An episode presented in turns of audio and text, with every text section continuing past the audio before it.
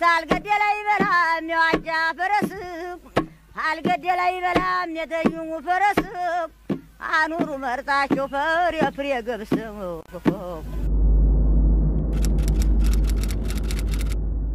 ያለንበት ዘመን የወሬ ነው። ምድርን የዜና ጎርፍ እንደናጣታለች። ቀዝቃዛው ጦርነት ማለት በአሜሪካና ሩሲያ መካከል ቃላት ብቻ የተተኮሱበት ነው። አሁንም እኒያ ሁለት የዓለም ዞኖች ዩክሬን፣ ሶሪያ፣ አፍጋኒስታን፣ ሊቢያ፣ ኢትዮጵያ በሚባሉ ሜዳዎች ላይ ተኩስ እየተለማመዱ የሚዋጉት በወሬና አሉባልታ ብቻ ነው። ከድንጋይ ወደ አጥንት፣ ከብራና ወደ ወረቀት፣ ከወረቀት ወደ ማኅበራዊ መገናኛዎች፣ ከመጽሐፍ ወደ መናገር እየዘቀጠ እየለሰለሰ የመጣ የኢትዮጵያ የሥነ ጽሑፍ ታሪክ እና የእሱ ልጆች ብዙሃን መገናኛ፣ ዜና እንዲሁም ባለሙያዎቹ ከዘመነ አክሱም እስከ አብይ አህመድ እንደሚከተለው እያዘገሙ እያዘገሙ እያዘገሙ መጡ። አክሱም የከፍታዋ ማማ ላይ ሳለች ስሙን ዓለም ማወቅ የተሳነው ሰው The Periplus of Erythraean Sea ብሎ ጽፎ ነበር። ያ ጽሑፍ ስለ ንጉሥ ዞስካለስ፣ ስለ አክሱም የግዛት ወሰን፣ ስለ ዘመኑ የኢትዮጵያ ከፍታ የሚያትት ደራሲው የማይታወቅ ሰነድ ነው። ታሪክ አስሶ ፈልጎ እንደመሰከረው ከመጀመሪያዎቹ የኢትዮጵያ ወሬዎች መካከል ቀዳሚው ባለቤት አልነበረው። ብቻ ብቻ ምድሪቱ አስደናቂ የተጓዥ ወሬ ለቃሚዎች አይን ማረፊያ እንደነበረች አህመዲን ጀበል በ527 አክሱምን የጎበኘው የግብፁ መነኩሴ ኮስመስ ብሎ የሚጠራው ሰው Christian Topography of Cosmas በተባለው መጽሐፉ ደግሞ ደጋግሞ ሲያነሳሳት ይገለጥልናል። ኢትዮጵያዊ ስለ ራሱ ከመጽሐፉ ከመናገሩ በፊት ቀድመው የከተቡት በጥበቡ ተደንቀው የጎበኙት ናቸው። ባላገሩ አሁንም ስለ ራሱ እንዲህ ነኝ ማለት አልደፈረም። ላለፉት ሰባት ሺህ ዓመታት ከነገሱ ኢትዮጵያዊ ነገሥታት የሕይወት ታሪካቸውን የጻፉት ቀዳማዊ ኃይለ ሥላሴ ብቻ ናቸው።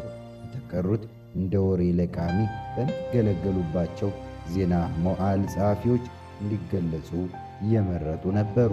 ለአፍታ የታሪክን ሐዲድ ተከትለን ወደ መካከለኛው ዘመን የኢትዮጵያ መሪዎች ዙፋን እንጠጋ። ያ ጊዜ የነ ንጉሥ አምደ ጽዮን ነው። ሰውየው ያለአንዳች ዋና ከተማ ተራራና ሸንተረር ስር ድንኳን ውስጥ ውለው እያደሩ አገር ያቀኑ ተስፋፊ እንደነበሩ ወቅቱን የጻፉ ሁሉ መስክረዋል። አፄው ግን የመጀመሪያውን ጋዜጠኛ ብጤ በማበጀት ይታወቃሉ። በኢትዮጵያ ነገሥታት ታሪክ አይን ገላጩ የውሎ ዜና የሳቸው ነው። ቀዳሚው የአማርኛ ግጥምም ለእኒህ ንጉሥ እንደተሰደረ ተገልጿል። በዓሉ ግርማ የሚሰኝ የሃያኛዋ ክፍለ ዘመን ክስተት ጋዜጠኛና ደራሲ ለከፈለው እንዲታዘዝ የተፈረደበት ሙያ ነው ብሎ የሚያማርርለት ጋዜጠኝነት በኢትዮጵያ ነገሥታት ዘንድ ሲጀመር ውሏቸውን በማጻፍ ነበር። በቃላት ላይ የመራቀቅ ካልሆነ በሐቅ ላይ የመንደላቀቅ መብት የታደሉ ፈጽሞ አልነበሩም። ይልቅ አፄ ዘርዓ ያዕቆብ ደራሲው ንጉሥ ናቸው። ስሟንም ሕልሟንም አሳምረው ደብረ ብርሃን ባሏት መዲናቸው በማጌጥ ላይ ያለው ሐውልታቸው እንደሚያሳየው ትልቅ መጽሐፍ ገልጠው በዘንጋቸው የግዛታቸውን ጫፍ የሚያመለክቱ ይመስላሉ።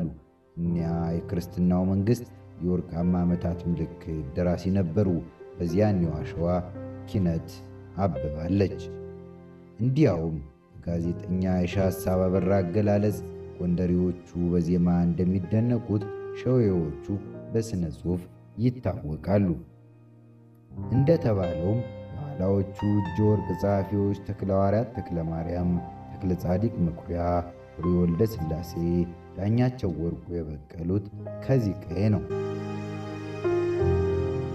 ከአፄ ዘርዓ ያዕቆብ ወዲህ መንገዳገድ የጀመረውን የክርስቲያን ነገሥታት ዙፋን ገፍትረው ታላቅ የአፍሪካ ቀንድ መንግሥት ለመመስረት ላይታች ሲሉ አፄ ልብነ ድንግል መንበራቸውን ለመታደግ ከአሁኑ ምስራቅ ሸዋ እስከ ትግራይ ደብረ ዳሞ ሲዘሉ በወንድማማቾች ጦርነት ተጋብዘው ቱርክና ፖርቱጋል የመገዳደሉን አውደ ርዕይ ሲቀላቀሉ አይተው ከዘገቡ ጸሐፊያን ዋናው አረብ ፋቂህ ነው።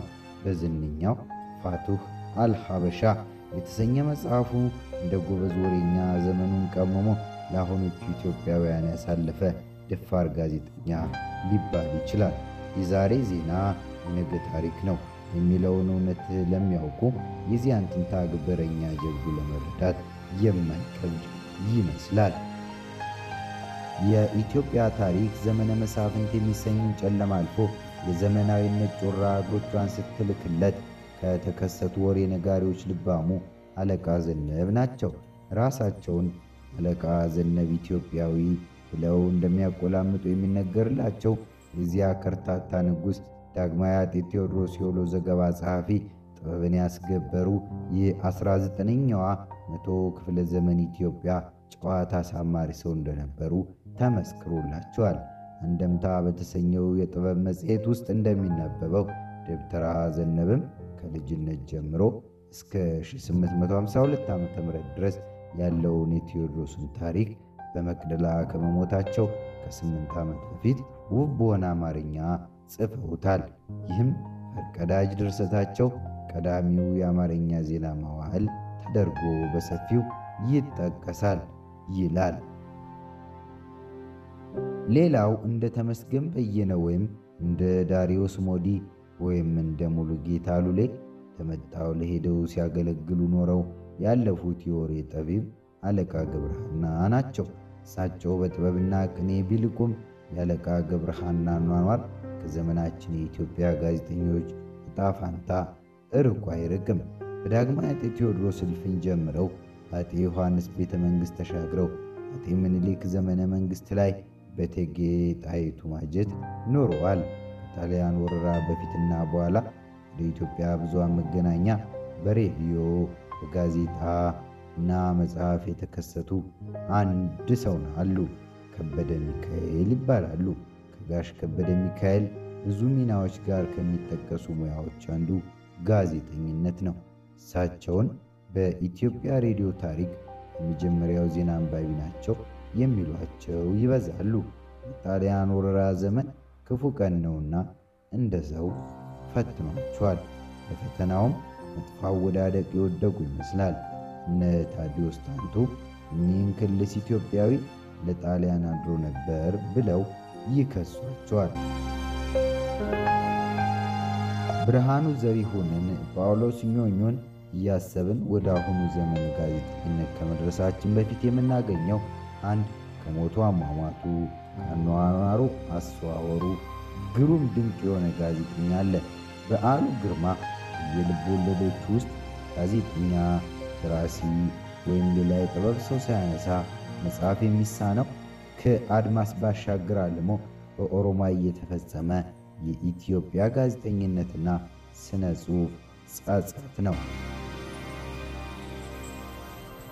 ተስፋዬ ገብረአብ ኢህአዲግ ሲታሰብ በአእምሮ ግድግዳ ላይ ከሚሳሉ የወሬው ዓለም ሰዎች ፊታውራሪው ተስፋዬ ገብረአብ ነው።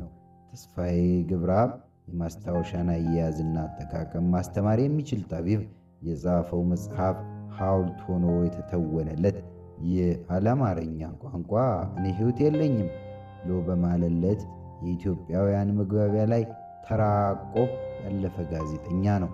እሱ የጋዜጠኛው ማስታወሻ በሚሰኘው ክታቡ እንዳነበረው ጋዜጠኝነት በፍቅር የሚታበድለት አስደሳች ሙያ መሆኑ አያጠያይቅም። ከሙያው ስነ ምግባር ያፈነገጠ ሥራ ሥራ ዘንድ ከሚታዘዝ ጋዜጠኛ ግን አንደኛውን ሥራ አጥነት ይሻላል። እሱ የጋዜጠኛው ማስታወሻ በሚሰኘው ክታቡ እንዳነበረው ጋዜጠኛነት በፍቅር የሚታበድለት አስደሳች ሙያ መሆኑ አያጠያይቅም። ከሙያው ስነ ምግባር ያፈነገጠ ሥራ ይሠራ ዘንድ ከሚታዘዝ ጋዜጠኛ ግን አንደኛው ሥራ አጥነት ይሻላል ብሎ የገለጸው ሙያ ለሕዝቦች ጥላቻና በቀል ተጠቅሞታል ተብሎ ይታማል። ለመሰናበቻ ያህል ብቻ የምናነሳቸው ስም የለሽ የዩቲዩብ ወሬኞች ባመላቸው ድብቅ ናቸው። በገደምዳሚያው ከመራሄ መንግሥት አብይ አህመድ የአራት ኪሎ ንግሥና ወዲህ እንዳሸን ፈልተዋል። የኢትዮጵያውያን መገዳደል የእንጀራ ሰበብ ሆኗቸው ብቻ እየቀጠሉ የሚገኙም አሉ።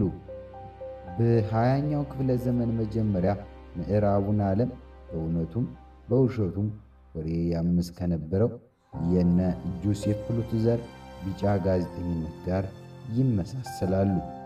በአመሉ የአደባባይ ሙያ በመሆኑ በሊቁም በደቂቁም አፍ ስለሚከፈትበት የወሬና ወሬኞች ዘርፍ ከምናባችን የመጣውን ከምናብ ስቱዲዮ ከነባራዊ ሐቆች ጋር ሰንደን ያዘጋጀነው አጭር ዘጋቢ ትዕይንት የዛሬው አለቀ። በሥራችን ብትደሰቱ የ like share subscribe ቁልፎቹን እየነካካችሁ አሳድጉን። አስተያየት comments የምትሰኘውን ሳጥን ሐሳብ ክተቱባት። ምናብ ስቱዲዮ ውስጥ ነበራችሁ። ቀሪው ጊዜ ይባረክላችሁ።